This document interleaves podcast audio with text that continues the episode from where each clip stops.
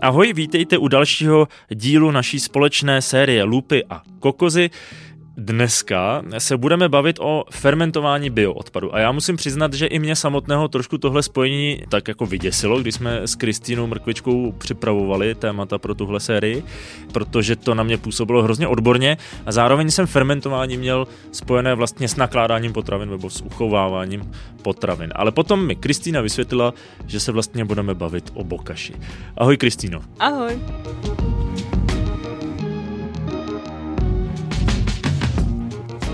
Když mi řekneš, že to téma je vlastně bokaši, tak už trošku začínám tušit, protože to jste mě v Kokoze už naučili, co je vermikomposter a co je bokaši. Že to je vlastně eh, varianta pro někoho, kdo chce, řekněme v panelovém bytě nebo prostě v, někde v bytě ve městě nějakým způsobem zpracovávat svůj bioodpad. To je skvělý, já vidím, že se to naučil opravdu dobře, protože většina lidí by řekla kompostovat bioodpad, jenomže právě bokaši není kompostér, ale je to fermentační nádoba, tak jsem ráda, že jsme ti něco naučili. já tady mám tahák, to je v pohodě. Dobře, ale tak pojďme možná vysvětlit, eh, proč se o bokaši eh, bavíme, protože vermikompostéry jsem znal už eh, z dřívějška, a vy jste mi právě vysvětlovali, že to bokashi je nějaká jako alternativa, řekněme. Tak eh, proč je bokashi vhodné, řekněme, do bytu? Tak bokashi je vhodné, protože je strašně nenáročné na údržbu. Eh, vydrží dlouhou dobu samo. A je to hrozně jednoduchá metoda, kterou pochopí i úplný začátečník kompostovací. to se mi líbí. Já teda musím říct, že Kristýna a holky z Kokozy tohle říkají velmi často, že to je jednoduchá varianta. Já jsem schválně zvědavý, jestli po tom našem dnešním rozhovoru, který tady eh, v podcastu eh, pustíme, jestli s tím budete souhlasit. Já jsem pořád ještě trošku na vážkách, ale eh, asi jsem pořád ještě kompostovací začátečník. Tak. Ne, tak v podstatě jenom vezmete bioodpad, hodíte ho do kyblíku, kterýmu se říká bokašiná doba a to, co vám z toho vyjde, pak buď zakopete na zahradě, nebo si z toho vytvoříte doma substrát pro rostliny. Takže teď jenom se pustíme do těch uh, detailů pro takový ty nadšence, ale v podstatě je to jenom o tomhle. No a ty detaily rozebereme v rozhovoru, který bude tentokrát eh, trošku živelnější. Budeme ve studiu čtyři, eh, respektive teda pět, to později taky vysvětlíme.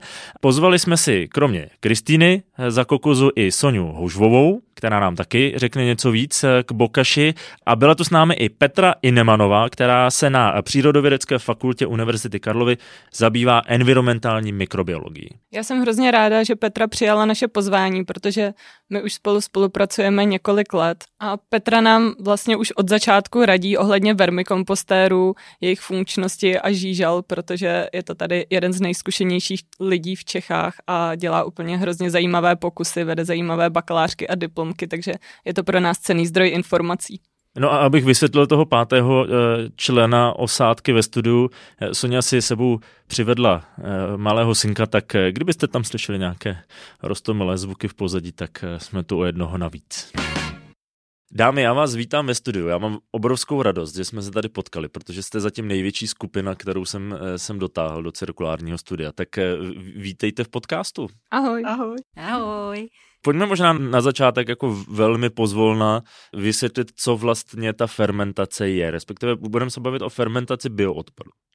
Jestli to mám vysvětlit laicky, tak fermentaci zná každý a aniž bych chtěl, protože všichni určitě máme zkušenost s kysaným zelím a nakládáme si doma okurky, rychlo kvašky a někdo si třeba zkouší fermentovat doma kimči, ale i třeba v zemědělství se používá pro konzervaci biomasy silážování a to je asi tak úplně tak nejblíž uh, tomu bokaši. Já jsem chtěla říct kompostování, ale to je vlastně špatný slovo, jo? Bo, bokaši fermentace. Jo, to si hodně často lidi pletou, no, že říkají bokaši kompostování. Ještě mě napadá vlastně bioplynový stanice, že tam se taky využívá fermentační proces. Tam se taky fermentuje, ale tam vlastně ty mikroorganismy, které z toho odpadu vyrábějí metan, ty jsou obligátně anaerobní, to znamená, že ty by kyslík zabil, ale vlastně těch fermentačních procesů, tady těch, o kterých se chceme mm, povídat, tak se zúčastní bakterie, kterým se říká, teď jsem to zapomněla, Mikroaerofilní. Eh, mikroaerofilní, anebo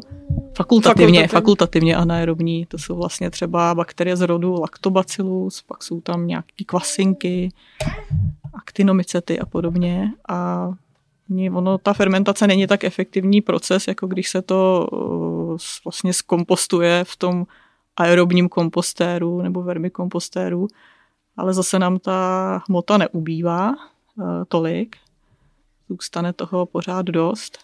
A vlastně se to tím konzervuje, jako sníží se pH, potlačí se vlastně množení nějakých patogenů a je to i způsob konzervace, proto ta technologie vlastně používá tisíce let vlastně v potravinářství. Proč nás to zajímá u toho, řekněme, kompostování? Já vím, že jste to vlastně říkali, že to jakoby nemá propojovat, ale proč nás to zajímá? Proč je to dobré, že něco kvasí řekněme, v tom bokaši kompostéru? Těch výhod to má několik. Ta první asi je to, že když se pak dostaneme teda k tomu, jak se to přímo dělá, tak tohle je metoda, která se dá dělat i v bytě což o, silážování ani klasický kompostování určitě v bytě dělat nemůžu.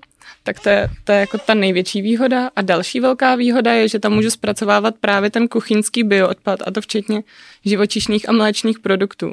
Jelikož vlastně ta fermentace mm, má několik fází a během ní se hodně klesá pH, které se snižuje a tím, jak je tam to nízké pH a jsou tam ty anaerobní mikroorganismy, tak to vlastně ty aerobní potenciálně patogenní nepřežijí. To znamená, v té, řekněme, malé úrovni nebo v té naší, jako na úrovni domácnosti je to prostě nějaká alternativa třeba k vermikompostéru kde to vlastně vzniklo, to bokashi. Já tam jsem nad tím vždycky uvažoval, proč se tomu říká bokashi. Myslím, že původ to má v Japonsku, jestli se nepletu, Chris mě když tak doplní, ale jakoby samotný ten výraz uh, má znamenat něco jako fermentovaná hmota. Je to tak a tam byl vlastně nějaký ten doktor. Teurohiga. Přesně. Eh, který vlastně se tomu na univerzitě při svém výzkumu věnoval. Tohle se stalo pak na konci 20. století a je to to, kdy se to stal takový boom, ale vlastně úplně původně je to taková tradiční japonská metoda. Původně se to slovo překládá v těch starých slovnicích jako myslím stínovat nebo rozmělnit nebo něco takového. A byla to vlastně určitá forma kompostování pro zemědělce, kdy se tam nějak přidávaly mikroorganismy, pak se zvyšovala vlhkost, myslím, že na 55% a uh, nějak se to uzavřelo do pytlu a využívalo se to právě jako jedna forma organického kompostování a od toho se pak vyvinul ten koncept tím teurohygem, který začal využívat technologii efektivních mikroorganismů a zviditelnil vlastně celý ten bokashi proces, jakože už fermentaci. Mně připadá právě, že ten koncept těch efektivních mikroorganismů, že je příklad jako úplně ukázkový komercializace jako něčeho, co jako přírodního procesu, ale jako v pořádku, já si myslím, že jo, protože spousta lidí se nad tím třeba ani nechce zamýšlet a koupí se radši sáček s nějakým starterem, ale zase jsou i třeba dostupné návody, jak si vlastně tady ty startovací organismy vlastně pochytat z té přírody sami, což je super vědět, protože to není jako, že on by objevil něco převratného, a to změnilo najednou nakládání s odpady. On opravdu pracuje s těmi přírodními procesy a pro ty, kteří třeba nemají čas se tím zabývat, tak ještě dal na trh nějaký starter, protože to zase z těch rychlokovašek a, a všeho, i z toho silážování, že lepší je vždycky jakoby tam na začátku něco dát, do rychlokovašek dáme kůrku chleba nebo list, eh, vinný list, eh, silážování se taky startuje pro jistotu, aby se to nezvrhlo. Někdo třeba chce dělat nějaký zdravý kvašený potraviny pro děti, tak nechce, aby se mu to zvrhlo v alkoholový kvašení, anebo když se vám tam narostou klostridie a začne to smrdět eh, kyselinou máselnou, to taky doma nikdo mít nechce. Takže tam jde o to něčím to nastartovat, aby ta rovnováha těch mikroorganismů na začátku převážela směrem k tomu mléčnému kvašení. A to je vlastně ten komerční produkt toho japonského profesora. Jo, ale vlastně nutno říct, že jinak ty mikroorganismy se přirozeně vyskytují vlastně na tom bioodpadu. Takže ve chvíli, kdy člověk dělá tu fermentaci toho bioodpadu opravdu správně a dodržuje ty podmínky, tak teoreticky tam ani nic přidávat nutně nemusí. Protože vlastně ten proces je opravdu přirozený, jak říkáš. No. Mám pocit, že my jsme nepopsali, jako, jak to vlastně vypadá, nebo co to ten bokaši proces tak to je. klidně Popišme. Ten vzhled nebo ta forma může mít uh, jako více podob. Uh, obvykle se jedná o malý plastový kbelík z výpustí právě na ten výluh, který přitom vzniká, podobně jako uh, u vermikompostování, také se tam uvolňuje nějaká tekutina. Je prostě spoustu firem, spoustu výrobců, takže člověk dneska opravdu najde spoustu variant a může se vybrat, která mu vyhovuje. Ty objemy jsou většinou jako menší, protože je to řešení dobytu. Myslím si, že je to tam kolem 16 litrů. Jestli mm, se ten malý je teď nějakých 9, ale zase je nutno říct, že ona to pojme skoro až dvojnásobek toho bioodpadu. Jo. Pak je pravdou, že se to ještě může jakoby nabízet eh, v, sadě po dvou, což je, bych řekla, velmi výhodné, protože eh, vlastně jakmile nakrmíte jednu tu nádobu, tak eh, tu necháte dozrávat, stát a během této doby, aby vám nevznikla nějaká jako prodleva, tak můžete vlastně naplňovat ten druhý kbelík. Tak to je fajn pořídit si rovnou ta dvojčata, bych řekla. Ale dá se to i s tím jedním, jo? zase nechci jako tady někoho do něčeho tlačit, Jo, a je to i fajn, že se tam pak dá stáčet ta tekutina i za tu dobu, co to stojí, protože ta tekutina vlastně nejčastěji podléhá zkáze, podléhá oxidaci, takže se může kazit. Tak je fajn jí pravidelně stáčet a právě když to pak dáme do toho kbelíku a pořád se tam tvoří, tak už nemám možnost tak jí stočit. Mm-hmm. No a já to zkusím ve zkratce jenom tak jakoby... Uh jako říct eh, vlastně, jak to probíhá, když to tam člověk vhazuje, eh, jak, jak se s tím pracuje takhle v praxi a Chris mě pak třeba doplní. Vlastně na začátku máš tu nádobu. K tomu vlastně balení rovnou dostáváš eh, takzvanou bokaši směs. Tím to jakoby zaočkuješ na začátku, hodíš tam vlastně na dno eh, hrst eh, té směsi a pak už přihazuješ vlastně slupky, které ti doma vznikají a vždycky po každém vlastně vhození bioodpadu je fajn to ještě mm, jakoby znovu zasypat. Jo? Vlastně tam takhle vrství vždycky bioodpad a, a trošku toho zásypu. V tom běžném kompostování tam je fajn třeba, když to zahrneš tím okolním kompostem nebo tam nasypeš hobliny, jo, abys tam dodal ten hnědý materiál, ale uh, tady uh, se pracuje uh, s tou bokaši směsí, s těmi efektivními mikroorganismy. Jo, ještě mě napadá, že ten rozdíl od běžného kompostu je ten, že na běžný kompost prostě můžeš vyhodit samotný ohryzek, slupku od banánu, jednu větvičku, ale u toho bokaši, tím, jak to je anaerobní proces a nechceš, aby se ti tam dostával vzduch, tak je dobrý mít nějakou jako nádobu na odpad na kuchyňské lince a teprve potom, co se ti naplní, tak to tam vysypat, abys to otvíral co nejméně. Abych tam nepouštěl toho vzduchu zbytečně jo, moc. To je pravda. A vlastně o, obvykle o, k tomu k belíku dostáváš dusadlo. Já mám ráda takový to, který jako tvoří to vnitřní víko, takže vlastně mm-hmm. už samotný jo. to dusadlo, to nejen jako dusá a stlačuje, ale zároveň vytlačuje ten vzduch. Jo, jo, to je pravda, že některé um, ty kbelíky už jsou takhle jako chytře um, navržený, mají takový chytrý design, že vlastně ty to automaticky tím pístem vlastně stlačí, že víš, než vzduch, protože ano, jak jsme si říkali, je to anaerobní proces, takže kyslík tam prostě chceme co nejméně, a, takže je potřeba to vždycky takhle stlačit. No a jak říká Chris, je dobrý tam jako chodit nějak systematicky, efektivně a ne, že tam půjdu s každým ohryskem. No. No a takže takhle jako vrstvíme, plníme, plníme, až uh, vlastně se uh, dostaneme na kapacitu uh, té nádoby a pak uh, je teda potřeba to nechat odstát, nechat být, aby, uh, aby to vlastně dozrálo. Udává se v literatuře dva týdny, ale já si myslím, že čtyři týdny jsou lepší a vždycky preferuju, protože samozřejmě čím, čím delší dobu to stojí bez toho přístupu vzduchu, tím líp to sfermentuje ta hmota. Ono je to vlastně taková konzervace, jako že si konzervujeme ten odpad jo. do doby, než ho nějak použijeme, nebo ho půjdeme vyhodit do té hnědé nádoby a nesmrdí to doma, nemnoží se mušky. Konzervace. Já se přiznám, že mě vždycky trošku jako děsilo u vermikomposterů to, že eh, když to řeknu laicky, nechám ty žily pojít, eh, že se o ně nezvládnu postarat a chápal jsem, že bokaš je pro mě jako takového jako domácího kompostovače lajka jednodušší, ale tak jak vás poslouchám, tak si tím přestávám být trošku jistý teda. Ale jo, já bych řekla, že tak um, jakoby v praxi to bude jednodušší, přece jen ty žížely jsou jako jakýsi tvor, který už vyžaduje větší péči. Um, jak to říct, oni prostě potřebují jako potravu, musíš se o ně samozřejmě starat, což i, i to bokaši samozřejmě je fajn nejspíš, když se budeme o tom bavit na té úrovni těch mikroorganismů, že asi taky mají radost, když je nakrmíš, ale ano, u těch žížel by to bylo tristní, kdyby prostě, já nevím, eh, to nějak významně jako zabil, nebo já nevím, by si jim tam dal opravdu něco, co by je hodně rozlobilo. Co nezvládnou, Nebo jasně. že by si je přestal úplně krmit dlouhodobě, tak eh, by to nefungovalo dobře. Takže ano, Bokashi je jako víc jako user-friendly, jednodušší, nemusíš to řešit, když jedeš na půl roku na Bali, nebo je to v pohodě. To se mi líbí ta idea, že pojedu na půl roku na Bali. Žížali musíš někomu dát na hlídání. A teď, co se týče toho, řekněme, jako výsledku, to znamená ano, nějakým způsobem zpracovávám ten bioodpad, který mám doma, řekněme, že jsem si vybral to bokaši místo vermikompostéru, je pro mě potom ve finále rozdíl i v tom jako výsledném produktu, je ta hmota, kterou z toho získávám jako lepší, hodí se na jiné věci? Tohle je asi takový největší úskalí toho bokaši právě, protože to, co ti z toho vyleze, je fermentovaný produkt, s kterým dál musíš nějak uh, nakládat, pracovat. Uh, je několik možností, co s ním potom můžeš dělat. Právě jak jsme mluvili o těch žíželách, tak jako to nejjednodušší a nejlepší, co s ním můžeš udělat, je, že s ním nakrmíš žížely. Ona to bokaši s tím vermikompostérem funguje fakt krásně, protože jak je ten produkt uh, fermentovaný úplně plný těch mikroorganismů a už takový částečně rozložený, tak pro ty žížely je to fakt takový jako čokoládový dortík pro nás, jakože oni si na tom fakt smlsnou.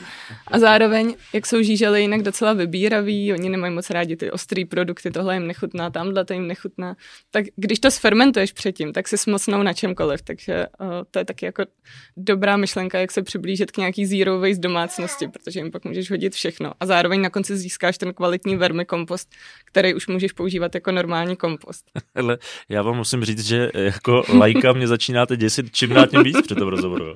Teď jsme jako se dobrali k tomu, že nechci nechat pojít žížely, tak si pořídím bokaši a výsledkem je, že si pořídím bokaši, abych pak mohl krmit žížely, který jsem se bál, že, že to pak odjedu na Bali a dám hlídat žížely a ještě budu u toho fermentovat. A není, není nutný mít potřeba žížely nutně, ale je třeba fér jako říct, že nejde to okamžitě použít eh, třeba na půdu jako hnojivo, tak jako vermikompost nebo kompost můžeme okamžitě dát prostě k rostlinám na zahrádku nebo do květináče, tak tady se s tím musí ještě pracovat, ale nemusí to být žížely, může se to třeba vlastně když zůstaneme v tom panelákovém bytě třeba, tak uh, Soil Factory se to jmenuje. Ta jo, tohle mi vždycky přišlo mimochodem vtipný, jakože továrna na půdu, prostě to je takový proces, který trvá stovky let v přírodní půdě a tady prostě se píše, že Soil Factory vyrobte si půdu za dva týdny. U sebe v obýváku. Můžete si v obýváku na koberci vzít nějakou, nějakou velkou nádobu s, s zeminou a ten bokashi produkt tam zakopat a on tím, že je takhle hezky natrávený, sfermentovaný, tak se vlastně dřív rozloží a tu půdu zúrodní, ale trvá to několik týdnů, jestli jsem to dobře pochopila. A vlastně i v zemědělství, oni ty Japonci už to vlastně uh, inzerují, že to se dá používat i na veliko, tady ta technologie a používat to v zemědělství, že to krásně zlepšuje strukturu půdy a or, já nevím, eh, zvyšuje to podíl organické hmoty a úrodnost a odolnost rostlin a všechno. Takže i na veliko v zemědělství, nejenom doma v obýváku se to dá používat. I bez žížal teda. No v tom obýváku je nejlepší taková ta IKEA plastová krabice, kam se to namíchá třeba ze starou půdou z rajčat, nebo z nějakých kytek, prostě se starým substrátem, který bychom jinak vyhodili, takže se tam právě smíchá s tady to bokaši fermentovanou hmotou.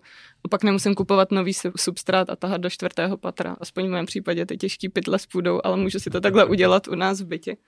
A nebo se to teda dá dát na tu zahradu, kde se to přesně zakope a vždycky se to musí potom chvilku nechat odležet, protože jak je to bokaši kyselý, tak to má nízký pH, tak se musí počkat, až se to pH vyrovná. Ale ona půda má velkou pufrační kapacitu, takže to není jako, že by nám to okyselilo půdu, ale naopak ono tam to pH klesne postupně. Ještě jsme nezmínili to, že to taky můžeš přidávat do zahradního kompostéru nebo do hnědé popelnice.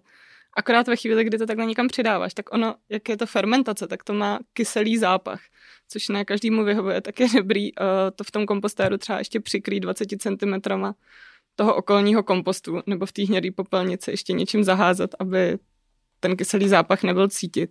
A taky často lidi říkají, že ta hnědá popelnice, jako proč to předtím fermentovat, když už to pak stejně hodím do té hnědé popelnice.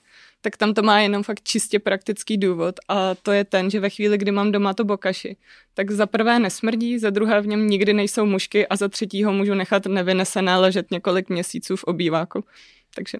A nesplesnivý. A nesplesnivý.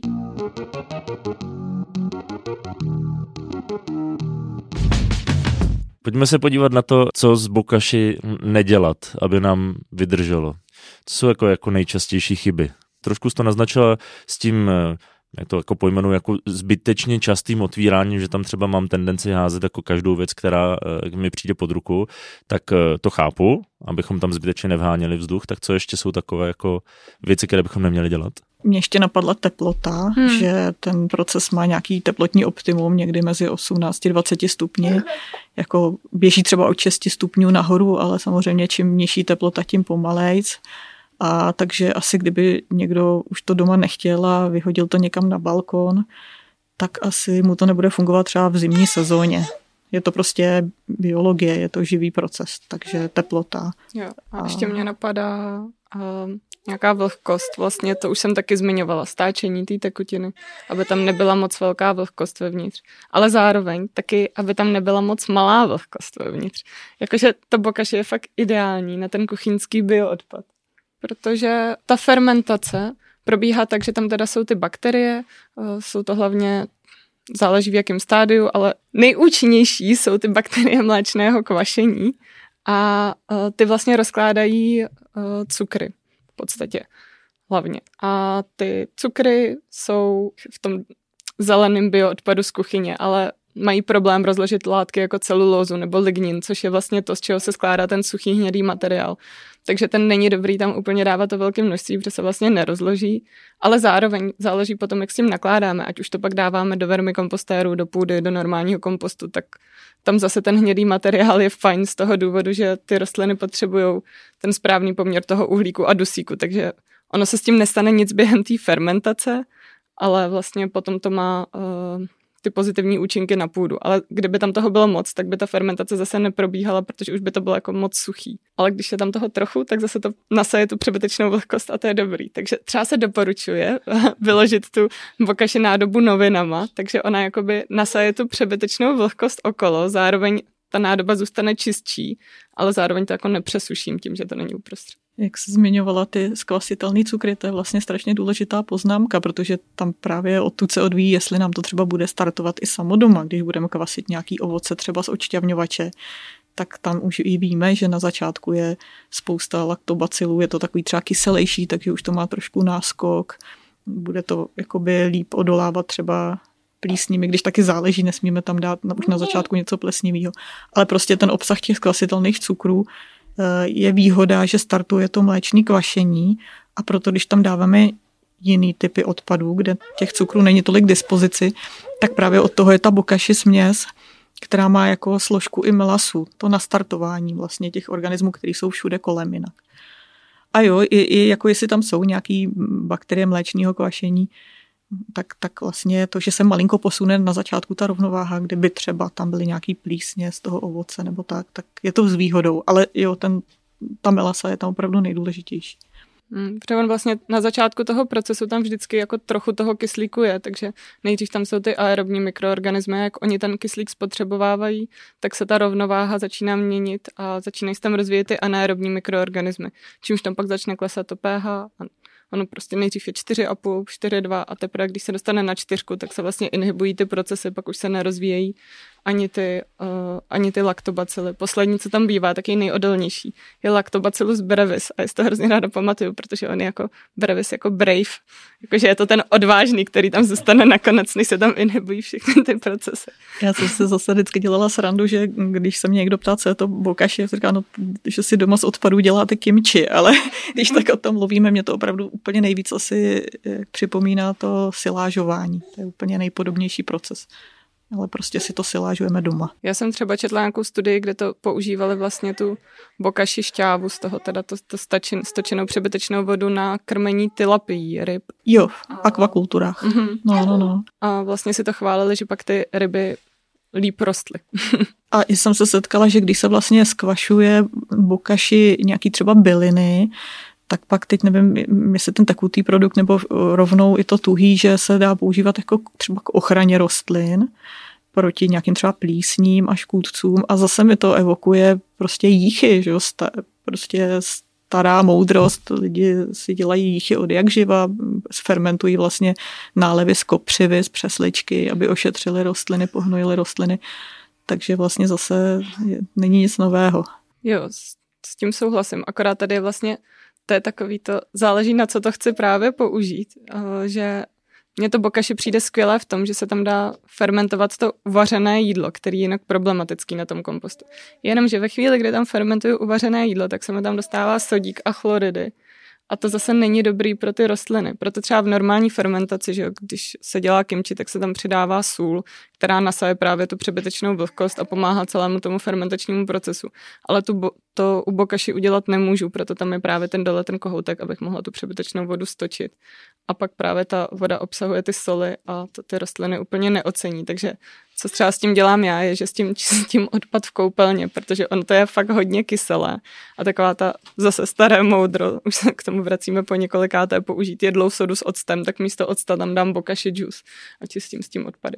Ještě mě napadá, že k těm chybám, co můžu udělat, je dávat tam velké kusy. Je to vlastně to platí pro všechno kompostování i pro fermentaci, že bych to měla kouskovat na malé kousky, protože když tam dám velké kusy, tak se tam vytvoří pory a zůstane tam hodně kyslíku.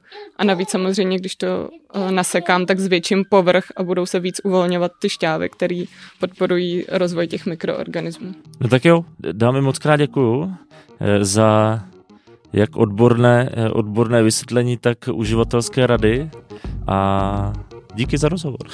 Taky díky tak schválně na začátku jsem vtipkoval, že eh, jsem zvědavý, jestli vám to teďka taky přijde jednodušší než eh, jiné druhy nakládání s bioodpadem. Klidně nám eh, napište, nebo pokud by vás k tomu zajímalo něco víc, tak samozřejmě na webu Kokozy těch informací o bokaši je velké množství. Je to opravdu jednoduché, protože bokaši nádoba vlastně za prvé nemá limitovanou kapacitu, takže ji může využívat jakkoliv velká rodina, za druhé může být i v malé garzonce, nelítají kolem ní mušky, nezapáchá a můžete v ní kompostovat veškerý bioodpad z kuchyně a to včetně živočišných produktů. Takže co by mohlo být jednoduššího? No, přesvědčila jsi mě. Kdyby přesvědčila Kristina i vás, tak mimochodem teďka ve vánoční kampani doporučují v Kokoze bokaši jako vhodný vánoční dárek. Tak pokud máte někoho, kdo by eh, to ocenil, tak určitě navštivte e-shop Kokozy. Dobře, Kristýno, moc krát děkuju. My se uvidíme ještě u jednoho dílu. Tak trošku navážeme. Teď eh, se sice bavíme o nakládání s bioodpadem. V tom příštím díle se budeme bavit o tom, jak vlastně předcházet tomu, aby toho bioodpadu nebylo tolik. A nebo čím krmit tu bokaši nádobu. tak jo, tak moc díky, že jsem tady mohla dneska být a těším se na příští díl. Já se taky těším, bude venku zase za týden. Do té doby se mějte krásně a žijte udržitelně.